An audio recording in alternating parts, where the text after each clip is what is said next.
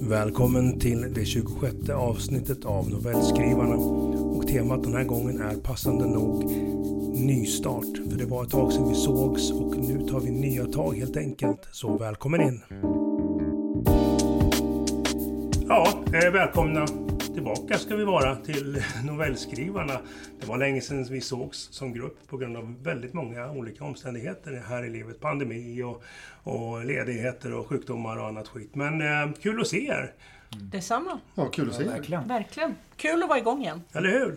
Eh, vi har ju inget supertema den här gången, utan vi har ett löst tema som heter nystart, vilket är, ju, det är det vi gör idag. Vi startar dem på nytt. Och det är bra. Vi får skri- har fått skriva på temat eller tagit med oss någonting som vi redan har eh, i pipen, någonting som vi jobbar på vid sidan om. Och eh, det tycker jag är rätt fräscht. Det är ju en nystart oavsett liksom. Så att, Ja, eh, nystart på konceptet också. eller hur? Så att eh, ordningen får ni väl märka alldeles strax. Men först ut är Lotta. Så varsågod och kör. Ja, eh, och det är så här att eftersom det då var en nystart så eh, har jag faktiskt en gammal novellsamling som ligger. Eh, eh, som inte har blivit utgiven. Som jag skrev för ett antal år sedan och som jag kallar Det som inte blev. Och det är en novellsamling om medelåldern och de val som görs och de eventuella insikter det för med sig. Och den här novellsamlingen har jag delat in i olika avsnitt och den här novellen heter Föräldraskapet. Den lyder så här. Det blev inte så bra det här, börjar du tänka, men slår genast ifrån dig tanken. Du vill vila lite först. Vila i känslan av att sitta bekvämt bakåtlutad i din nya Audi A6 Avant med specialbeställda fälgar. Monsungrå metallic och endast 80 mil körda.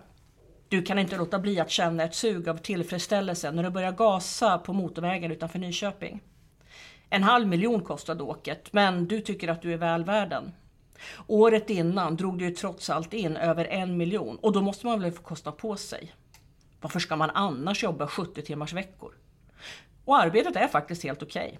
Att vara ekonomichef på ett börsnoterat företag vid 47 års ålder är inte så dåligt marscherat för en ganska så medioker civilekonom. Och att vara medioker kan ju faktiskt alltid kompenseras med stil, finess och goda kontakter. Och det tycker du att du har.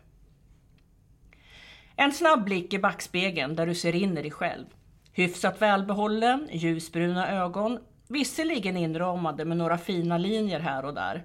Men där finns i alla fall inga stora påsar under ögonen. Inte som hos Paul. Han fick gå till plastikkirurgen redan innan han fyllt 45. Du ler åt tanken. Inte nödvändigtvis elakt, men är ändå rätt nöjd över att uppenbarligen har utrustats med bättre gener.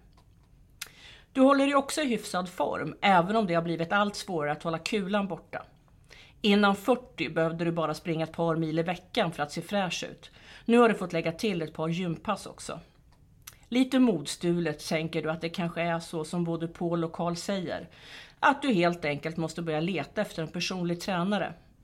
Att det inte går att motverka förfallet på egen hand efter 45 fyllda. Och egentligen, varför inte? Jobbet betalar ju ändå för träningen. Du suckar.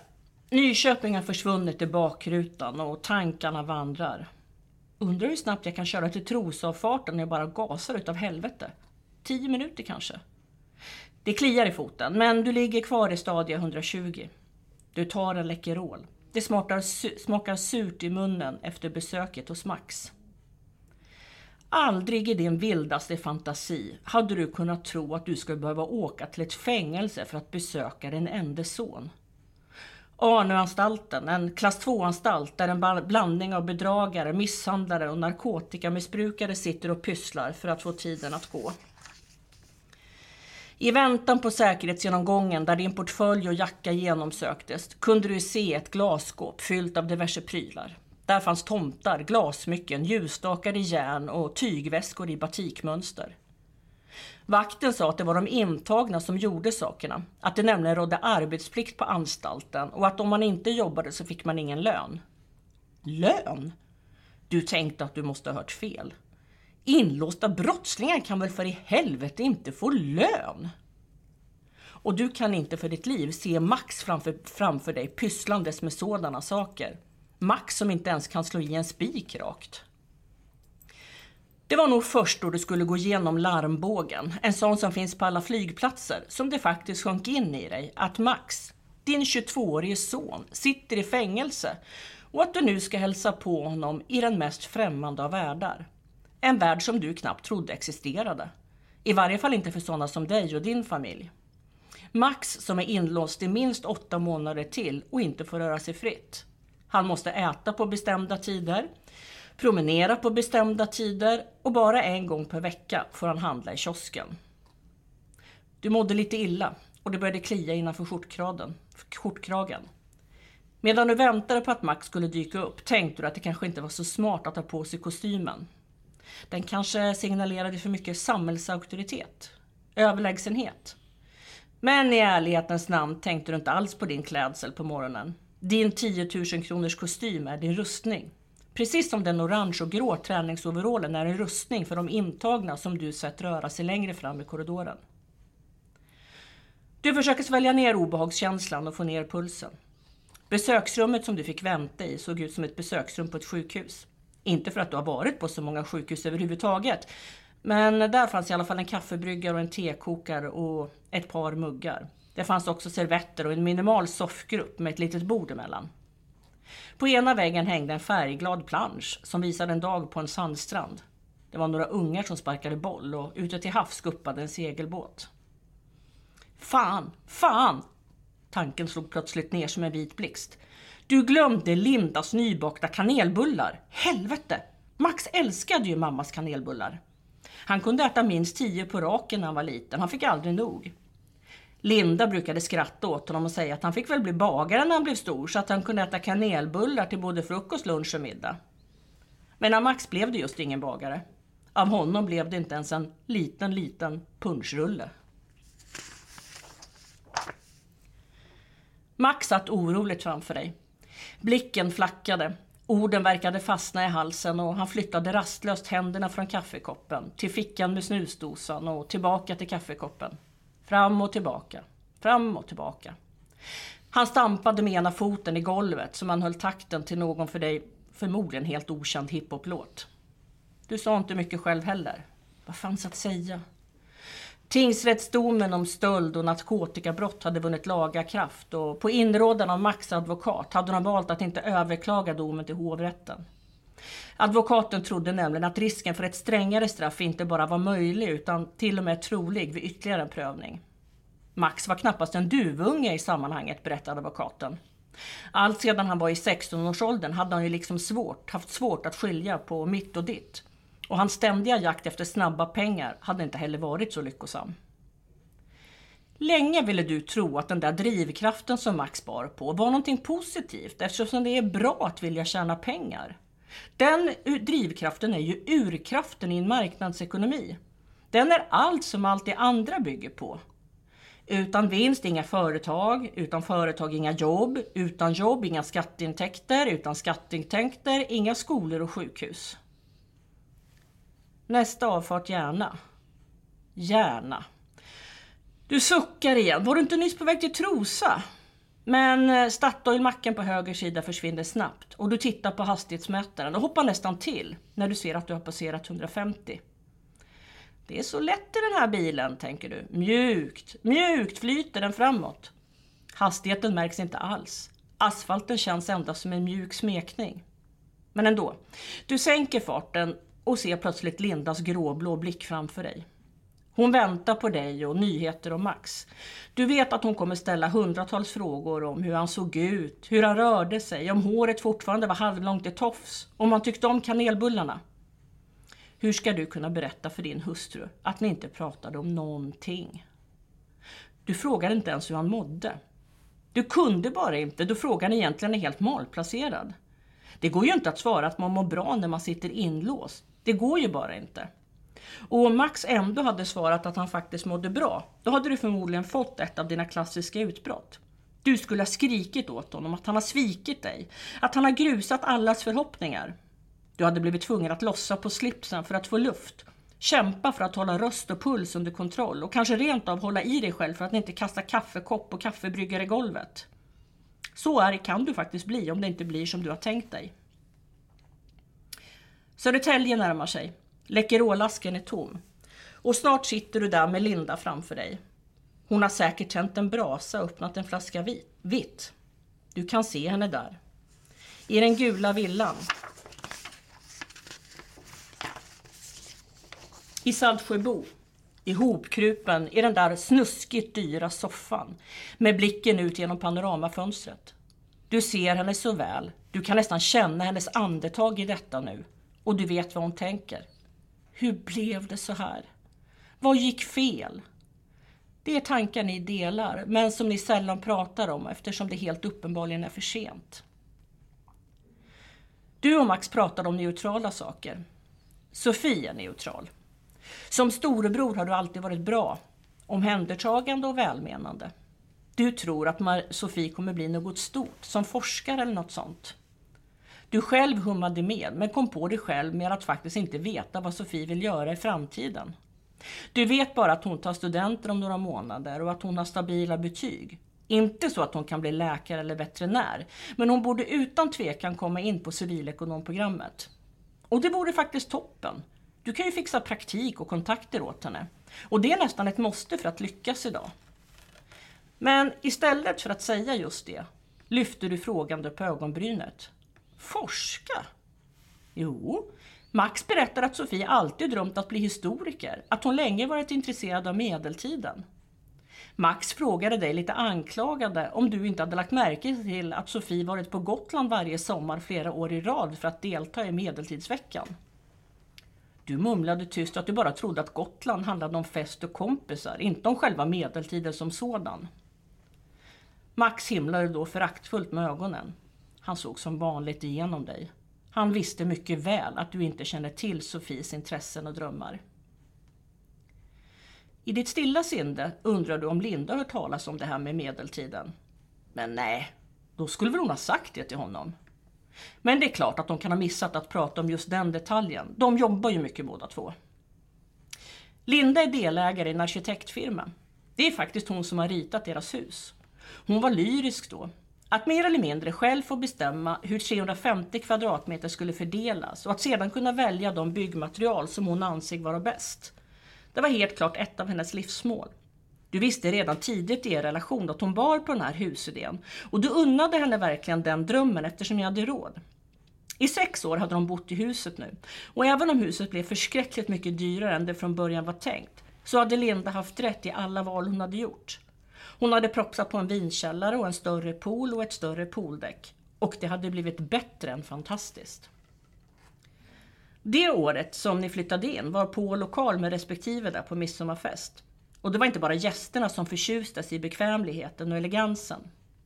Moder jord lät just denna midsommar visa sig från sin bästa tänkbara sida. Klarblå himmel, högt stående sol och ett fågelkvitter som aldrig tog slut. Du ler när du tänker på att du och Linda avslutade festligheterna med att ha sex i poolen. Du tycker att ni är värda det goda livet efter allt slit. Botkyrka, Skärholmen, Fruängen, Swish. Du tänker att de som bor där nog aldrig har jobbat så hårt och målmedvetet som är nödvändigt om man ska kunna köpa sig en vacker bostad. Alla människor har ett val, tänker du. Och väljer man att inte jobba hårt, ja då hamnar man ju i en lägenhet i Skärholmen. Konstigare än så är det faktiskt inte. Det är själva finessen med demokratin och marknadsekonomin. Alla har samma möjlighet att lyckas, förutsatt att man jobbar för det. Du tycker därför inte synd om invånarna i lägenhetsgettorna. Välj om och välj rätt, tänker du istället. Du slår hårt med händerna i ratten. Du förstår inte din son. Du förstår inte varför han gör de val han gör. Du förstår inte sökandet. Du förstår inte hans uppenbara brist på riktning i livet. Du och Linda jobbar hårt varje dag för att barnen ska ha det bra. Och barnen har alltid fått åka på skidresor och solsemestrar. Sofie går på den fina och dyra ridskolan och Max spelade tennis med Pauls son i många år. Killarna hade ju till och med en privattränare för tusan. Ni ungar, fräser du högt för dig själv, har sluppit de nedgångna kommunala skitskolorna. Ni har aldrig behövt jobba under loven och om våra jobb tog för mycket tid hade ni alltid bra barnflickor som tog hand om er. Så varför Max? Varför? Efter samtalet om Sofie tystnade du. Du ville fråga Max så många saker, men ingenting kom ut. Du ville rasa ut din sorg och skrika din ilska fri. Du ville bli fri från den där brännande ilskan som ger dig orolig mage och sura uppstötningar. Du ville att Max skulle be om ursäkt för att han svikit så, för att han misslyckats så fatalt trots de goda förutsättningarna han haft. Du ville att han skulle förstå att du skäms över honom. Att han har gått från att vara din största stolthet till att bli den största förloraren av alla i deras umgängeskrets. Du vill att han ska förstå hur ont det gör i dig när du hör Paul berätta om sin son som snart är färdig civilingenjör. Och hur pinsamt du tycker det är att Karls dotter Olivia, som bland, var bland de sämsta i sin klass, snart är färdig med sin fil. kand. i engelska. Ni tre som alltid var tillsammans då när ni växte upp. Ni som åkte skidor ihop, som lärde er att simma i samma kalla skärgårdsvatten. Vart gick det fel, Max? Berätta, så kanske det går att förstå. Då kanske det går att förlåta. Södra länken, swish. Väg 222, swish. Orminge centrum, swish. Nu är du snart hos Linda och du drabbas av tunnelseende. Världen krymper, hjärtat värker och pulsen dånar i dina tinningar. Vad ska du säga till henne när du kommer? Ska du berätta om din skam eller ska du locka fram ord om hopp? Eller ska du vara helt tyst? Men jag kan i alla fall se att hon har tänt brasan. Mm. Jag satt den! Bra inramning där tycker jag med, med, med bilresan eh, och du-perspektivet. Att det är konsekvent hela berättelsen då och, och målar upp den här bilden av framförallt hans relation till, till sonen då. Eller inte relation till sonen. Ja, Ja. för problemet ser han ju inte själv riktigt. Nej, väldigt man det blir uppenbart. Nej, precis. Ja. Eller, eller också gör han det. Men han vill inte ta till sig. Ja. Nej. Det känns som att han eh, nog kanske förstår fast han inte vill förstå. Nej, jag tror inte att han gör det. Jag tror att han är alldeles för egocentrerad för att tänka. Han kan, och det är någonting som vi brottas med, eh, tror alla på, på olika sätt, att när jaget får för stor plats så tränger man undan allt som inte har med jaget att göra, det innersta vi har. Så att min tolkning av, av den här mannen är att han är närmare 50. Eh, han har eh, gjort det han har gjort jättelänge. Och det du tränar på, det blir du bra på.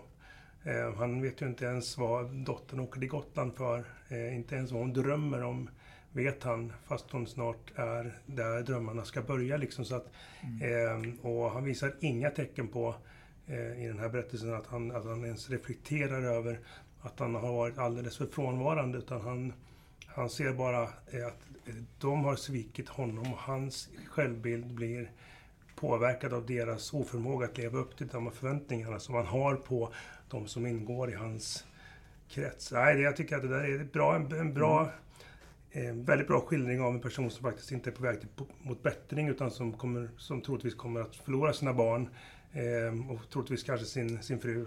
Ja, för att hon verkar mest vara rekvisita. Alltså det är bara sånt, det är bara, eh, det är bara liksom yta. Eh, yta och, och dessutom så det inte speciellt eh, häftigt. Var- Vart var? Orminge?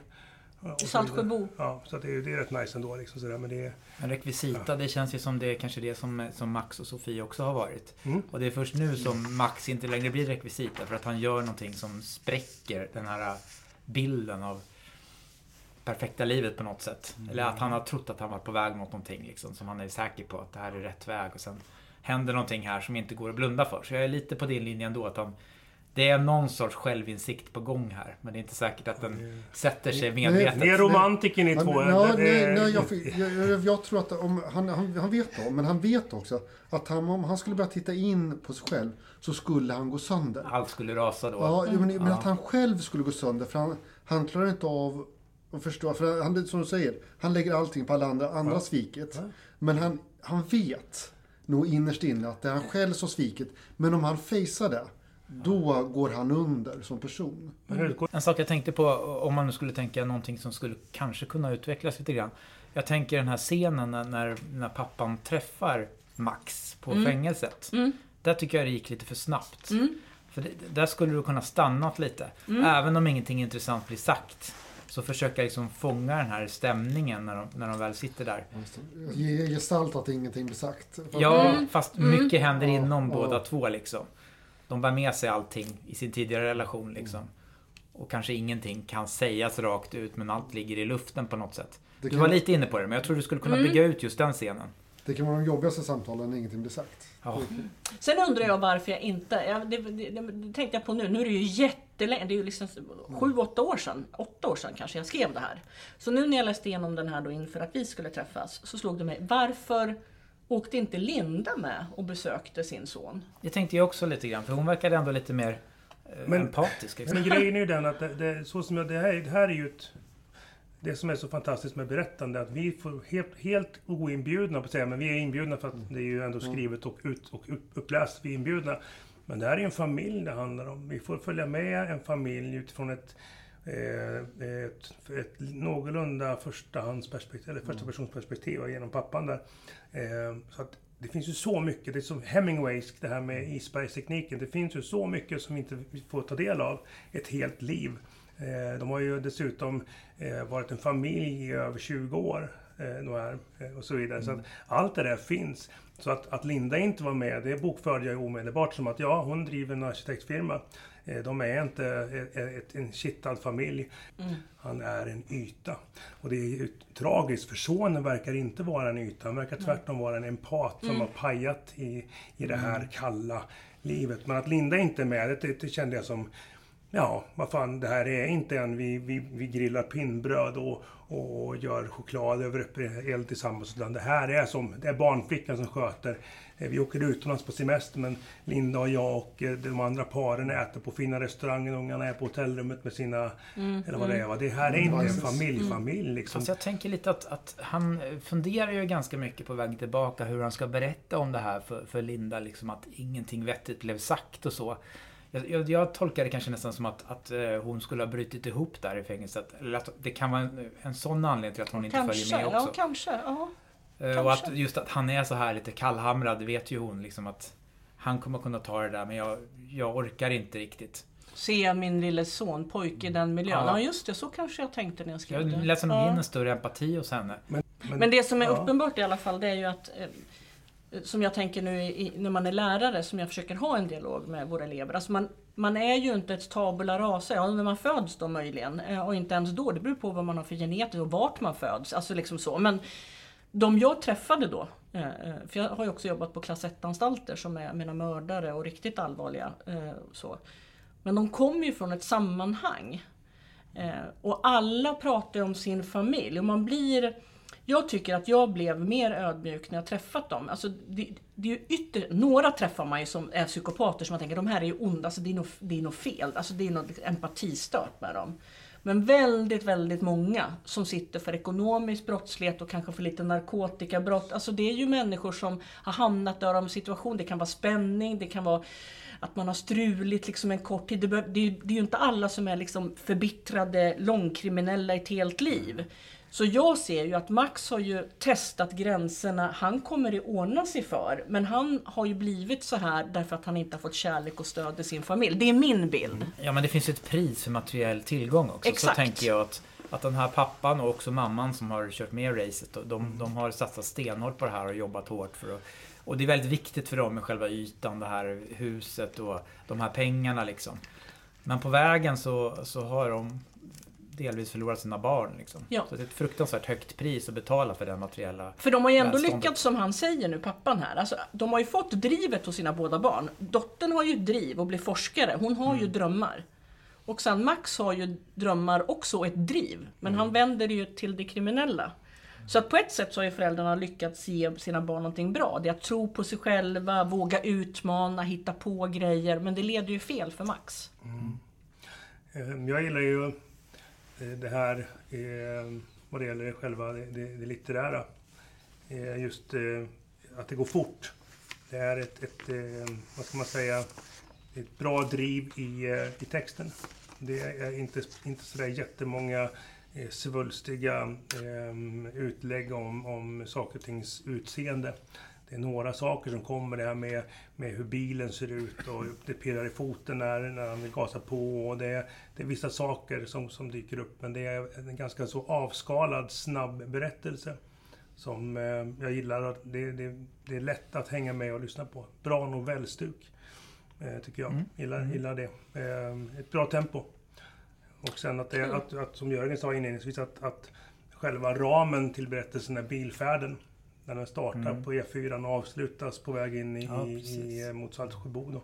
Eh, Att man, det är som en cirkeldisposition. Det är alltid skönt för en, om man lyssnar på, framförallt tycker jag, att känna, jag börjar känna igen mig igen i resan. Att vi är tillbaka vid bilen, på vägen tillbaka hem. Och sen eh, det här öppna slutet, han är på väg hem, man känner honom på tunnelseende. Han, det börjar hända saker i honom som, som man inte riktigt får en kläm på. Men det ska sant. man inte heller ha. Men också du-perspektivet är effektivt i den typen av berättelser. Det här är ju inte ett jag-perspektiv. Eh, om, det är inte att han berättar liksom inifrån sig själv direkt, utan det är mer eh, du.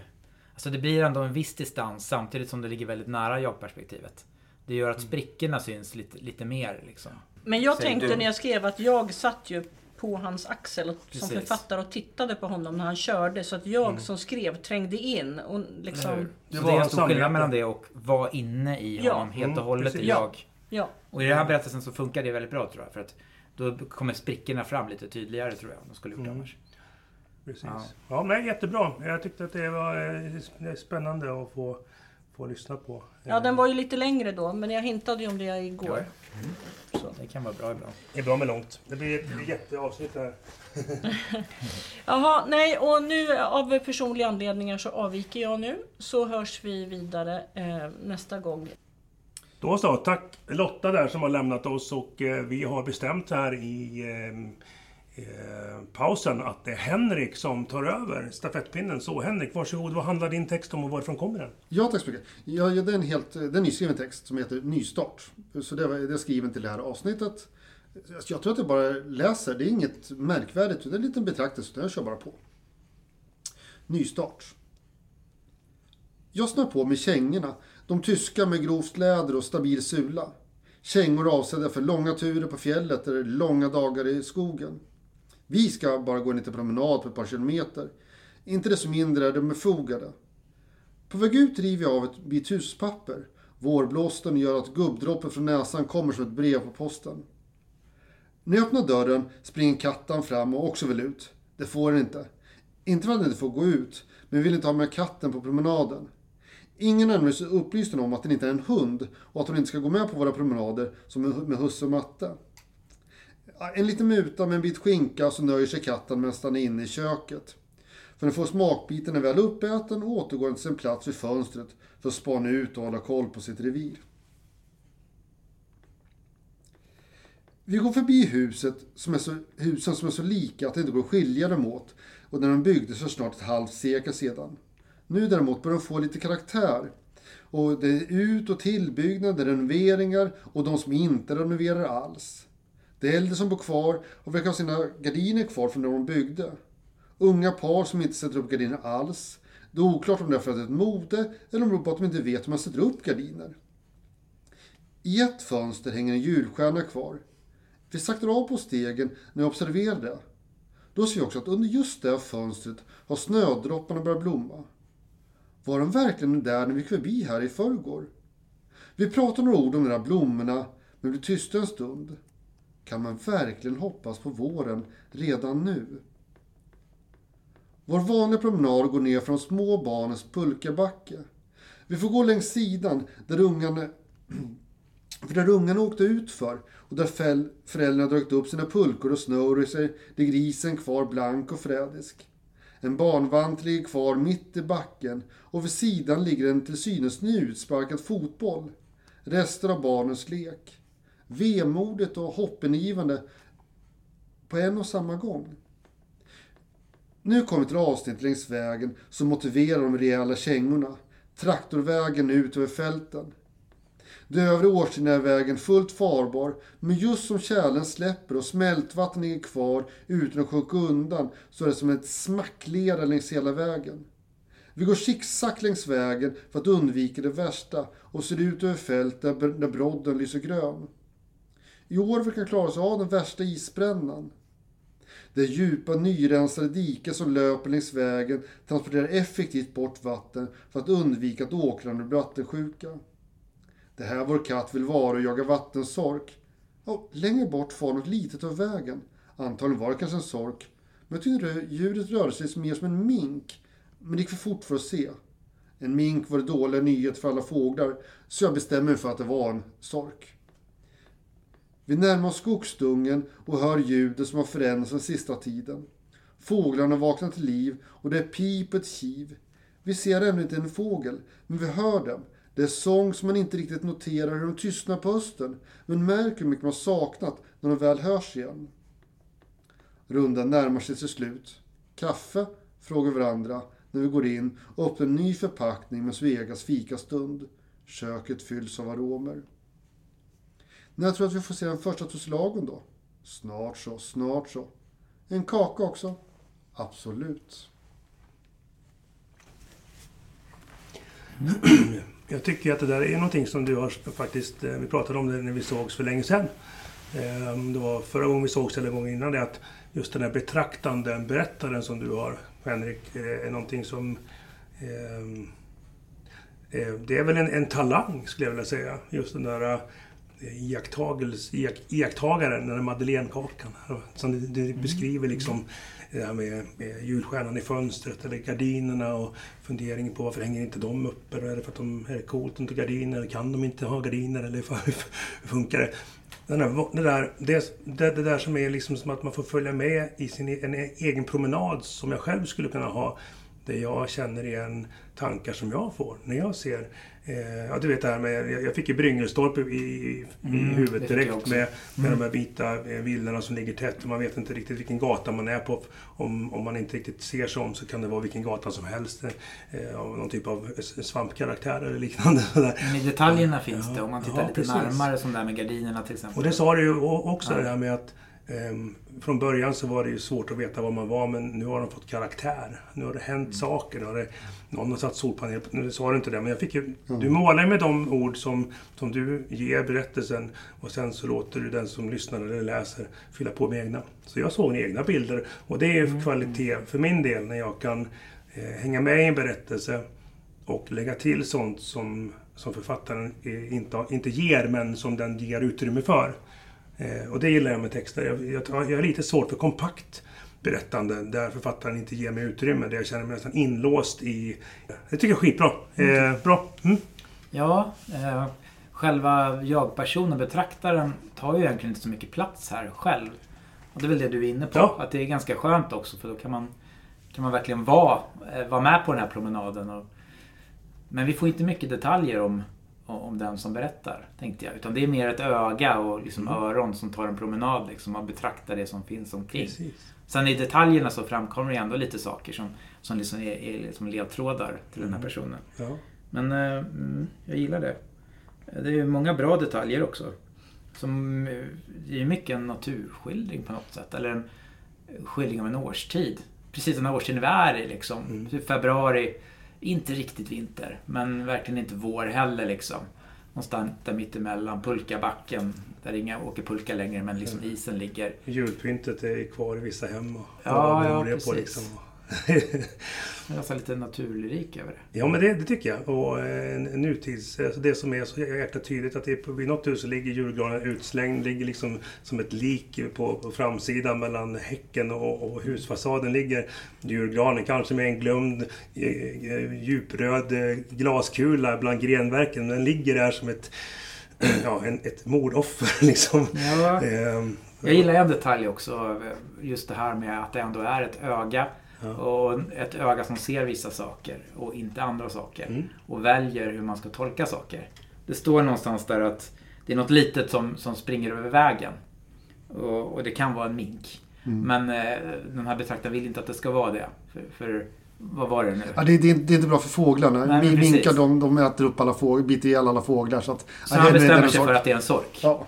Det, den detaljen är, är jättespännande i det här. För det, där blir själva ögat ändå väldigt eh, där ser man tydligt liksom att det här ögat ser ändå vissa saker och andra mm. saker inte. Mm.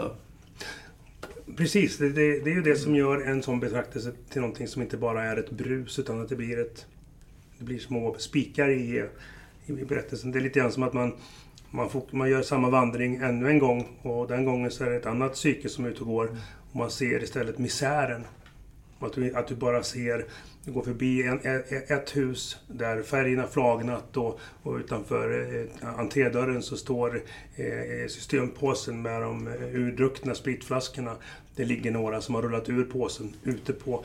Man ser hur man ser bara det tråkiga och sen mitt i det tråkiga så ser man att det här huset, här har de målat om och här är allting i ordning. Så det blir det som sticker ut. Mm, mm. Här var det ju det andra. Här får man ju följa med i det, det mera välmående mans vandring genom grannskapet på något vis. Som reflekterar lite.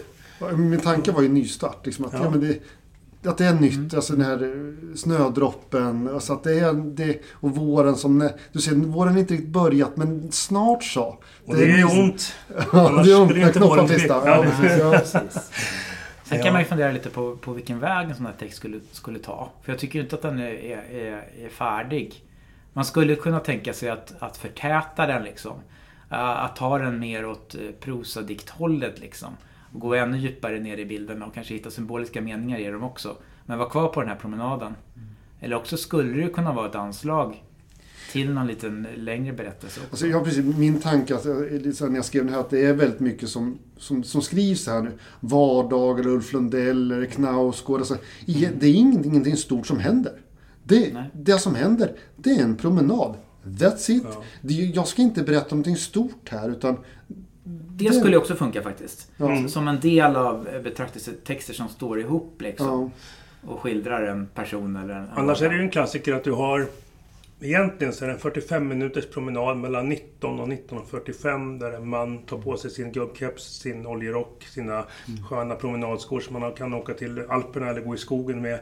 Väldigt bekväma skor, en detalj som ändå sticker ut också i början väldigt tydligt. Det är tyska kvalitetsvandrarkängor som ska ut och gå. Du ser. Eh, mm.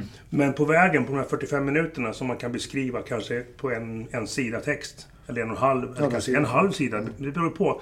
Så kan du ju göra rejäla historiska eh, till en, en parallellhandling tillbaka. Där han då, om det nu är en nystart, om det är temat då, vilket det är, eh, så blir det varför är det en nystart? Varför blir den här promenaden någonting nytt?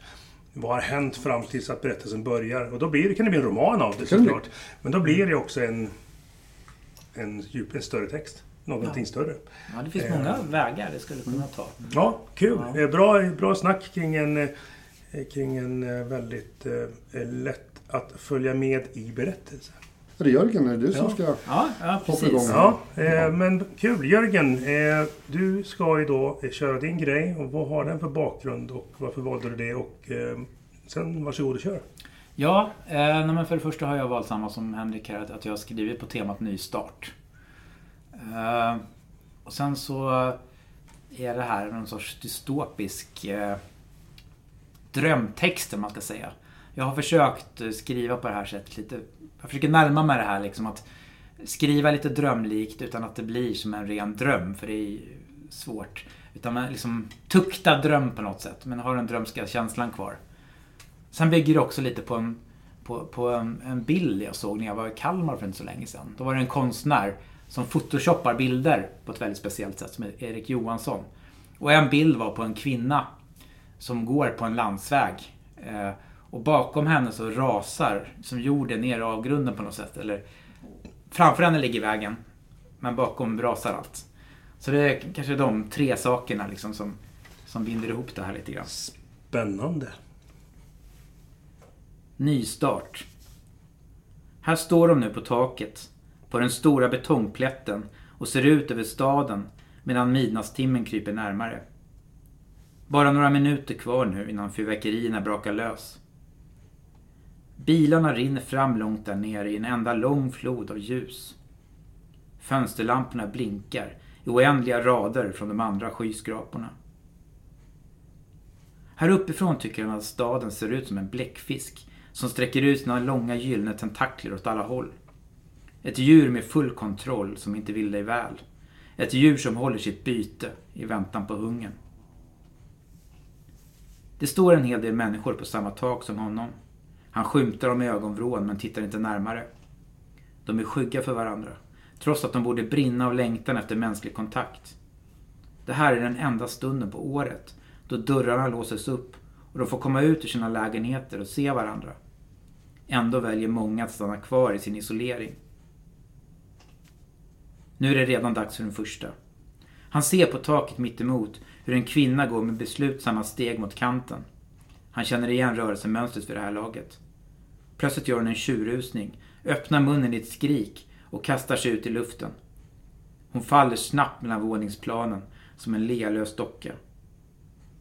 Trots att det inte borde vara möjligt tycker han sig höra den fasansfulla våta smällen när hon slår i asfalten och spräcks. De andra människorna på hennes tak tycks knappt reagera. Men alla vet att det kommer fler. De kanske till och med funderar på att följa hennes exempel. Nej, det är ingen som möts på dessa tak i nyårsnatten. Människorna är för skadade, för rädda. Det finns ingenting som kan lösa upp dessa knutar längre. De har suttit för länge i sina tysta rum och väntat på ingenting. De har sysslat med sina meningslösa sysslor. De har skyfflat in maten som punktligt levereras i brevinkasten varje vecka. När det har blivit kväll har de lydigt gått in i sina badrum och gjort sig i ordning för natten. Tills vissa en dag inte orkar längre, utan stannar kvar i sängen, struntar i sysslor och algoritmer. Men dessa människor finns inte kvar länge. Det går några dagar och plötsligt en kväll ringer det på dörren. Alla hör. Alla hukar bakom sina dörrar, men ingen vågar ens titta ut genom nyckelhålet. Allt brukar ske ljudlöst. Men de hör den annars låsta hissen startar sin resa nedåt och de vet att den inneboende inte längre är kvar och aldrig kommer att komma tillbaka. I sin lägenhet har han pratat med sig själv för att inte bli galen. Men till slut försvinner samtalsämnena och den stora tystnaden tar över rummen. Till slut blir tomheten och de ändlösa inmatningarna på skärmen en del av ditt väsen. Du blir till algoritmerna du matar in. Algoritmerna som håller hela maskineriet igång. Det här nyåret kommer kanske ögonblicket då också han tar språnget. Avslutar denna ändlösa rad av grå dagar med vandringen mellan rummen och inmatning på inmatning på inmatning. Med underhållningen som pumpas ut via skärmarna när arbetsdagen är slut.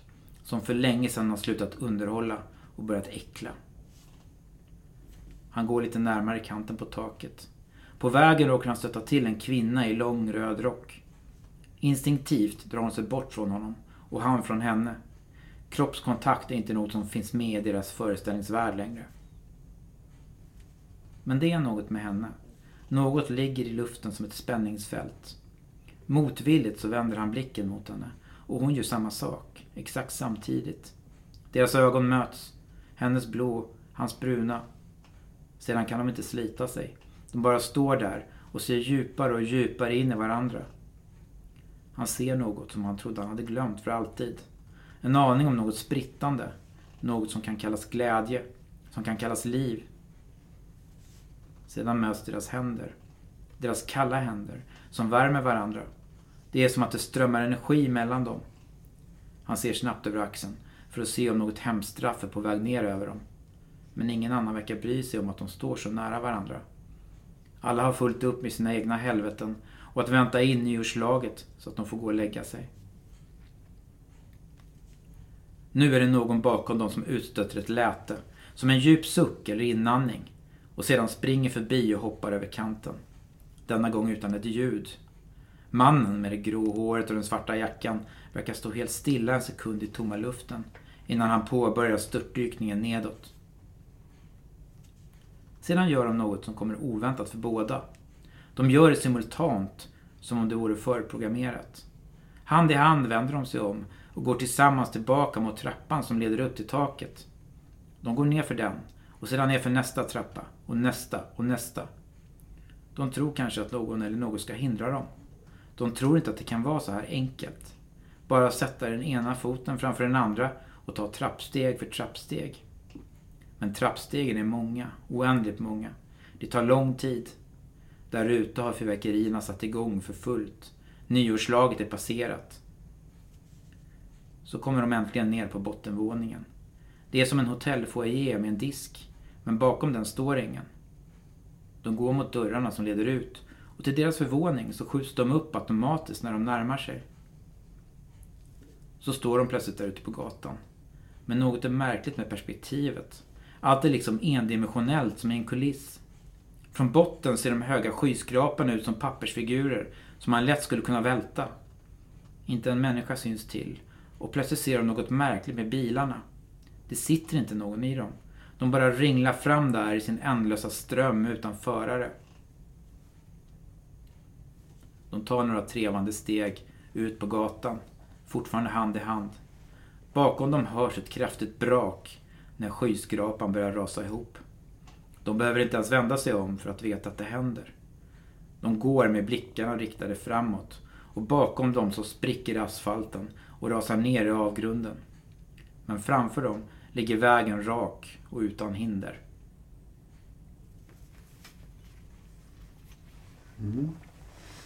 Rätt symbolladdad berättelse med, med trappor och hissar och vägar och det är låst och det tittar genom, sy- nyckelhål. Och, Surrealism. eh, Ja. Salvador Dalí som har fått få fatt i pennan här. ja, Målar upp någon typ av... eh, hotellfoajén där ingen står bakom disken. Det är lite... eh, Mm. Kanske lite Wes Anderson-aktigt nästan. Ja. Ja, men det är som du, som du sa i, i, i, eh, när du påade din berättelse att, eh, att du leker med, med att blanda verklighet och overklighet. För att skapa en känsla av ehm, ska man säga, osäkerhet hos läsaren, eller lyssnaren i det här fallet naturligtvis. Att inte veta vad som är riktigt och, och inte. Att inte befinna sig i någonting som man kan säga, ja men det här känner jag igen.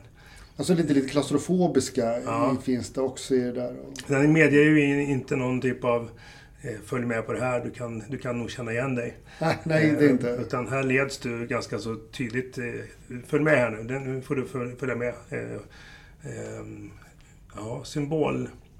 Ja, symbolladdat, bild, mycket bilder. Så det känns som lite Neil Gaiman-inspirerat ibland. Ja, men det är Jörgens eh, husgud ju, så att, att, Ja. det, blir, att det blir eh, weird, det ser, ser jag bara som ett... Det måste det ju nästan bli. Ja, Eh, Just blandningen mellan de här eh, vardagliga och sen helt fantastiskt eh, otäcka grejerna som den här kvinnan som faller ner som en lealös docka och även fast inte ljudet eh, av hennes eh, kropp när den spricker, när den träffar marken, hörs så för det skulle du haft med om du skrivit. Ehm, då hade man kanske fått följa med ner och, och liksom hur i, i slow motion hur kraniet eh, spräcker hudet, huden för att Ja, sprida hjärn, hjärnan utöver. Jag menar, Det är olika sätt att berätta. ja, så är det ju. Det, Fast, fast jag upplever den ändå mer som symbolladdad än, Ja, ja.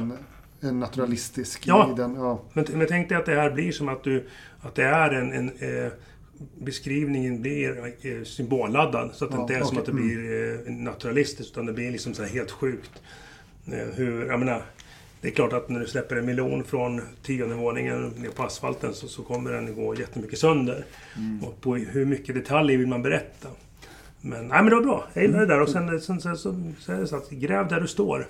Eh, eh, och det är det som när, när man känner den som har skrivit så det är en, det är en fallucka. Känner du en författare, läs inte dennes verk. För att du kommer läsa in Saker som inte står där. Ja. Ja. det spritter i den här. Det är lite kärlek i den här ändå.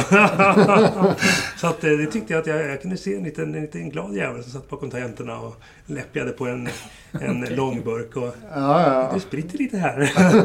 Men tyckte fint. ni att, eh, att den var svår liksom? Att den var stängd och svår att komma in i eller? Kunde man liksom Ja, gå det, in ja, i det, ja, det tog ett tag innan, innan jag förstod vart jag var på väg. Ja, det kan jag nog säga. Och Den är ju, det, är ju, det är ju det som händer i, tycker jag, med berättelser av det här slaget. Där det inte finns en naturlig väg in för en läsare att, att identifiera sig med huvudpersonen. Att det här, kan, det här skulle kunna vara jag som Henriks medelålders man vandrar i grannskapet. Det kan ju vi tänka oss in i, för det, skulle vi kunna, det, har vi säkert gjort och kommer göra. Eh, och kan se liksom det här. Men, men det här nyårsfirandet, det kan jag se.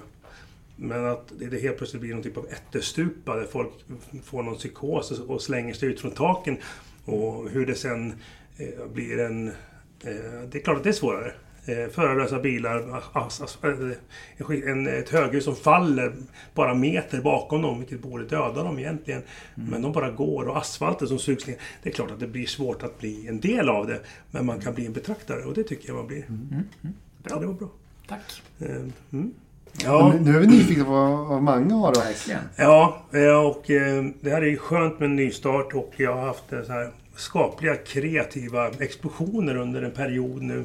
Där jag har liksom eh, eh, hittat nya eh, tankar och idéer och, och, och blivit liksom så här eh, blixtförälskad i dem och suttit ner och bara eh, grävt i dem. Och den, den som jag valt att ta med mig nu, det är en, en berättelse som jag faktiskt har för, för avsikt att eh, ro i land på något sätt. Att den ska bli eh, eh berättad i sin helhet.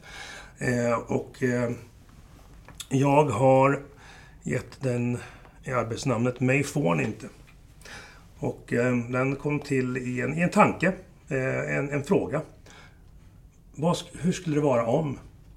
Eh, och det, det bottnade i det här med det här stora fenomenen som har varit en del av vår vardag i ganska många år nu. Det är att eh, någon gör någonting eh, konstnärligt, musik eller video eller vad det är, eh, och lägger ut det på något sätt. Det hamnar online. Det finns liksom ingen, eh, ingen stor agenda bakom utan det är en privatperson som eh, har en talang, tydligen. Och så får det fäste. Och så blir det en snackis. Och sen börjar eh, vad heter det, snöbollarna rulla. Och eh, blir större och större och större. Och då, då var min utgångstanke följande.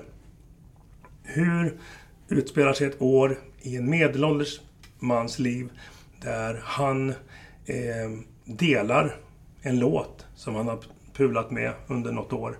Eh, han lägger upp den eh, eh, anonymt för att han är ingen, som, ingen skrävlare. Han vill inte synas egentligen men han vill ändå liksom på något sätt att, att någon ska höra på det.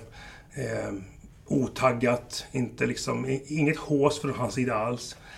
Han laddar upp den en fredagkväll efter jobbet eh, och eh, går och lägger sig. Vaknar på, på lördagen, ish. Jag har inte bestämt exakt de detaljerna, men och märker att någonting har hänt med hans YouTube-konto som också är avidentifierat. Det är ingen som kan koppla det till honom.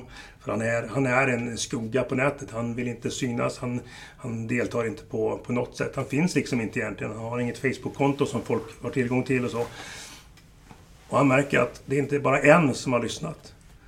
Det är inte tio som har lyssnat utan det har blivit en lavin. Det har spridits liksom. Eh, och han är, jag har bestämt också att han är ingenjör, vilket underlättar en del. För att han är duktig på det här med, med algoritmer och hur, hur Youtube då fungerar, för det är där han laddar upp det. Så han går snabbt in på sin, sin, i sin kontrollpanel och ser att den här eh, musiken, den här lilla videon som han har gjort, har delats. Eh, Den har gått viral helt enkelt. Ja, över hela världen. Vi snackar eh, Gangnam style-explosion. Det är alltså miljontals eh, visningar under bara några timmar. Och kommentarer som bara vräker in på, på kontot. Och hur det sen utvecklas till att han... Eh, han, är, han, är, han är som han den här eh, vet du, skridskoåkaren, van, vad heter han, van der Poel. Just det. Ja. Heter han så? Han är, han är inte intresserad av berömmelse överhuvudtaget, den här personen. Han, han ser det som... Han har sedan länge insett att berömmelse är inte svaret. Utan det är att leva i det lilla liksom. Han är nöjd med det han har. Han, Han vill hålla på och pula med sina grejer. han har ett, ett jättefint hus som han har ärvt och byggt på. Eh, han, det är en klassisk ingenjörssnubbe. Som är, han är duktig på det han gör och fullkomligt ointresserad av att, att, att liksom skrävla. Han är, det är inte Jante på något sätt. Det ska man inte blanda in, för Jante ska ha smisk. Men det var tanken liksom. Hur tar han sig igenom ett år ungefär från det att den här videon släpps lös och alla, alla teorier som fan, eh, fans då runt om i världen skapar kring hans person. Ehm, eh, vem han är och så vidare. Och så vidare. Och om det nu är en, en redan befintlig artist som på något sätt har ja, gjort något sånt här. Va? Så att det är mycket sånt här som, som är i, i mörker. Och... Ehm, ja, men jag fick liksom känslan liksom, hur, hur skulle det vara? Och hur, hur kommer han undan? Kan man komma undan? Kan man det? Kan man vara ett, ett spöke idag? Och, hur, och naturligtvis så kommer det ju vara touch and go, han kommer vara nära att bli avslöjad. Och nu är inte det det att någon jagar honom med pistol och ska skjuta honom. Det är inte en thriller. Det här är ju typ en, en Backman-berättelse, typ hundraåring som försvann-känsla lite grann. Eh, den typen att han kommer att nästan bli avslöjad och det är ju det, är det värsta som kan hända honom. Då blir han av med sitt liv. Han blir inte mördad. Men han blir mördad för att han tappar, och, tappar sig själv. Därav eh, titeln Mig får ni inte. Här kommer i alla fall det jag ska läsa upp. Han kommer in på arenan och väl där tar han sig till VIP-entrén. Men får problem med att bevisa vem han är eftersom han inte visat sig för någon. Men han tar upp gitarren och efter en stund blir han insläppt. Vakten fotar med mobilen och lägger upp. Robin Hood är här. Jag var först. 11111 First edition! utropstecken. Ingen tror honom och Joakim försvinner in i flödet av människor. Han tar sig in i djupet av kvällens event och tvingas berätta, men han behåller sin maskering. Hoodins luva är uppfälld. Han lämnar över sin gitarr, en Martin D45. Rodney kopplar upp den och kollar så att den är het, att den är alive and kicking. Sen ger han tillbaka till Joakim, som följer efter honom in i gången som leder till scenen. Han har fått infon att han ska få priset och sedan 30 sekunder att tacka om han vill. Intervjuerna sker i en separat del av programmet. Han följer de lysdiodmarkerade strecken och de påminner honom om landningsbanorna på Arlanda. Och han kliver ut på scenen. Det är mörkt, men han ser myrstegen och de små lamporna leda ända fram till mikrofonstativet. Han går fram och ställer sig. Han ser inte publiken särskilt väl, men vet att, att arenan varit slutsåld sedan augusti då biljetterna släpptes. Varenda plats är såld och varenda VIP-loge är full av skivbolagsrepresentanter och annat branschfolk. Kameror riktas mot honom och han svettas under Hoodins luva. De har letat efter honom i nästan ett helt år men aldrig lyckats avslöja honom och nu var det dags. Han kollade gitarren. Sen spelade han introt. Mobiltelefonen med lamporna tända gungade fram och tillbaka och när han satte munnen mot micken och pressade fram de första orden hörde han inte sin egen röst. Den dränktes av ett annat ljud. Publiken. De sjöng hans låt. Han kom av sig, men med hjälp av medmusikernas taktsäkerhet hittade han snabbt tillbaka. Gensvaret var helt galet. Han såg Freddie Mercury och Queens framträdande på Live Aid-galan 1985 framför sig. Han hade ju inte varit där såklart, men sett det på TV och sedan på Youtube efteråt många gånger. Han ser Roxette i Brasilien 1992 när Marie Fredriksson sjunger It must have been love och publiken tar över. Han ser Freddie Mercury dirigera publiken på Wembley Stadium 1986. Love of my life, you've hurt me. You've broken my heart and now you leave me.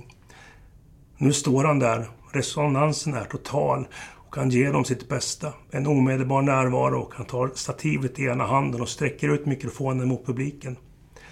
De sjunger till bakgrundsmusiken och han låter dem hållas. Efter en stund, när sista versen ska dra igång, går han tillbaka till sin plats, ställer ner stativet och låter gitarren hänga i axelbandet. Han pratar med publiken medan musikerna i bakgrunden loopar sista partiet. Ni är fantastiska! Tack för att ni har lyssnat, delat och älskat min musik och mina ord. Jag har följt er och vet hur mycket ni önskar att se mig, att veta vem jag är. Och jag måste tyvärr göra er besvikna ikväll. Ni får mina ord och min musik. Men jag vill behålla mig för mig själv. Tack. Ni är underbara. Han backar undan rampljuset och försvinner av scenen. Han vet att press och representanter väntar i slutet av den korridor han nu är på väg mot. Men vet också att till vänster går en annan korridor. Den som cateringfolket just nu använder för att transportera mat och dryck till efterfesten. Där han ska visas upp och hyllas samt skriva på ett kontrakt. Han stoppar ner sin Martin D45 i fodralet och byter snabbt hoodie. Sedan viker han av till vänster och följer efter en kille i en vit skjorta som det står Royal Catering på ryggen på och försvinner ner mot en bakdörr. Han kliver ut i den mörka men starkt upplysta och kalla decemberkvällen, ser sig omkring och börjar gå mot Globens tunnelbana. Det är dags att åka hem. Mm. Den där gillar jag. Ja.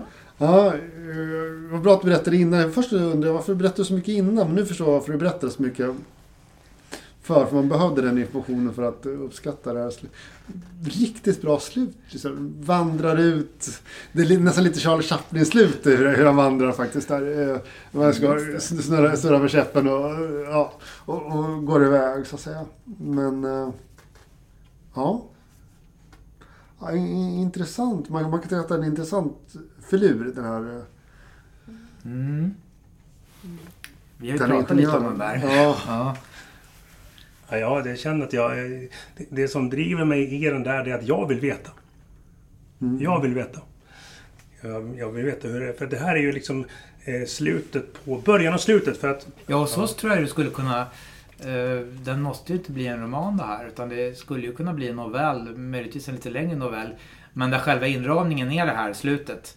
Men sen så kommer liksom tillbakablickarna insprängt i det här liksom. det, behö, det behöver nog vara åtminstone en kort roman tror jag. Alltså. Kanske.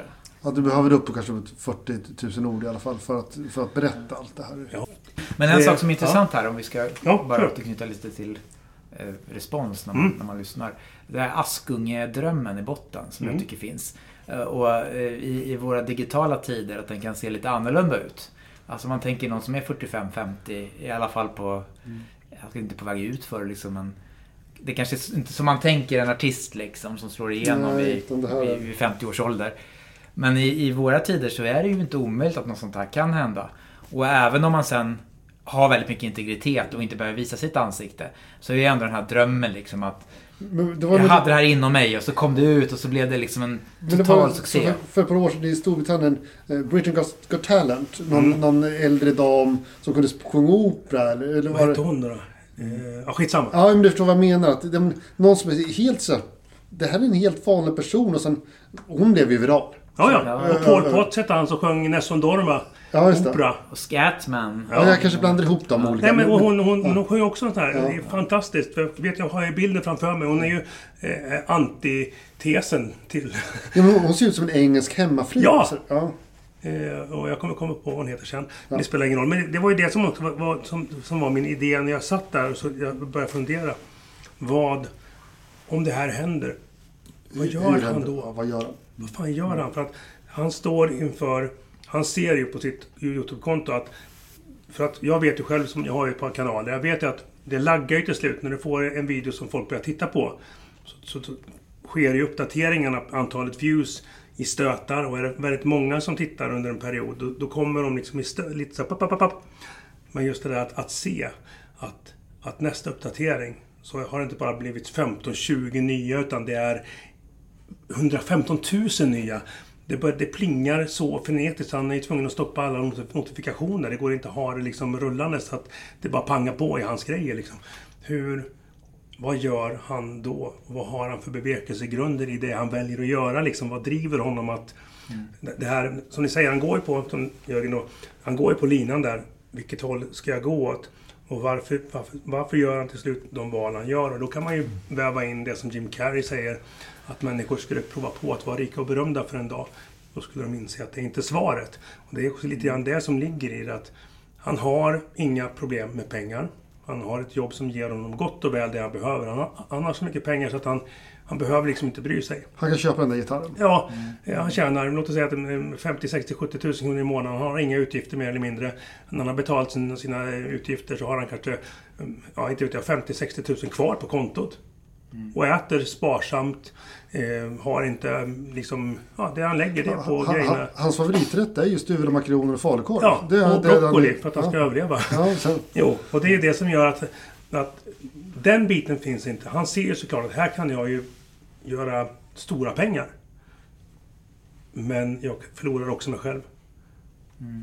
Vad är värt något? Och i slutändan, på slutet när han står och han ser publiken. Jag tänker att jag har nått precis som van der Poel. Jag har vunnit. Jag kan inte vinna mer än att vinna. Det här är, och naturligtvis när han också står där och känner och tänker. Det här är vad Marie Fredriksson kände i Brasilien 1992. Eller det som Freddie Mercury kände två år i rad på, på Wembley. Va? Eh, när han står och publiken sjunger åt honom. Hjälte för våra mediakåta tider. Ja, säga. men eller hur? Det, Ja. finns, det finns liksom inget, inget som slår det. Och då är, då är också valet enkelt dra sig tillbaka. Här är det... det- det- This is it. Sen har jag en tanke att kanske förlänga själva avslutningsdelen för här och, och ha honom öppna grinden till sitt hus och se att eh, lampan i, eh, i köket är tänd. och han vet att hon sitter där. Och att han öppnar dörren och säger typ Hallå? Ja, nej men eh, roligt igen såklart att ses. Fyra nya berättelser. Två på tema och två från eh, utomliggande, vad ska man säga, eh, teman. Kan man säga. Lotta och jag tog ju med oss annat. Eh, men från våra eh, texter idag till nästa då Jörgen. Vad står på tur? Ja, jag tänker med det här temat då. Att man utgår från en klassisk folksaga. Men eh, man skriver en mer liksom, modern berättelse som gärna får utspela sig i vår tid.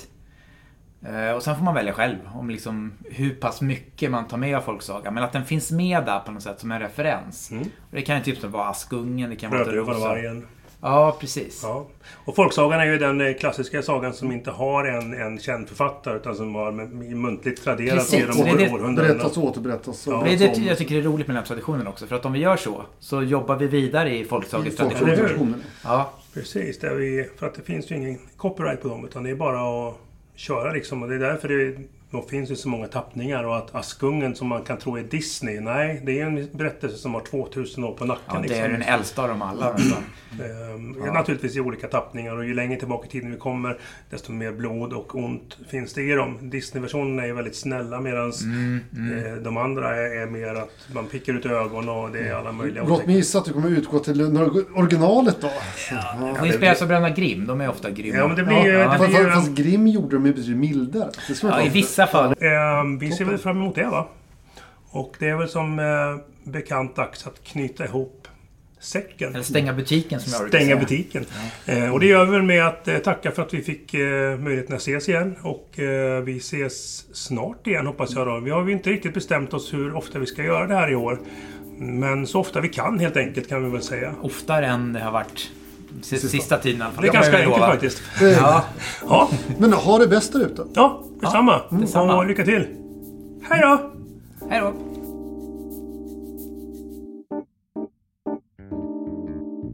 Du har lyssnat på det 26 avsnittet av Novellskrivarna och temat den här gången var nystart på flera sätt.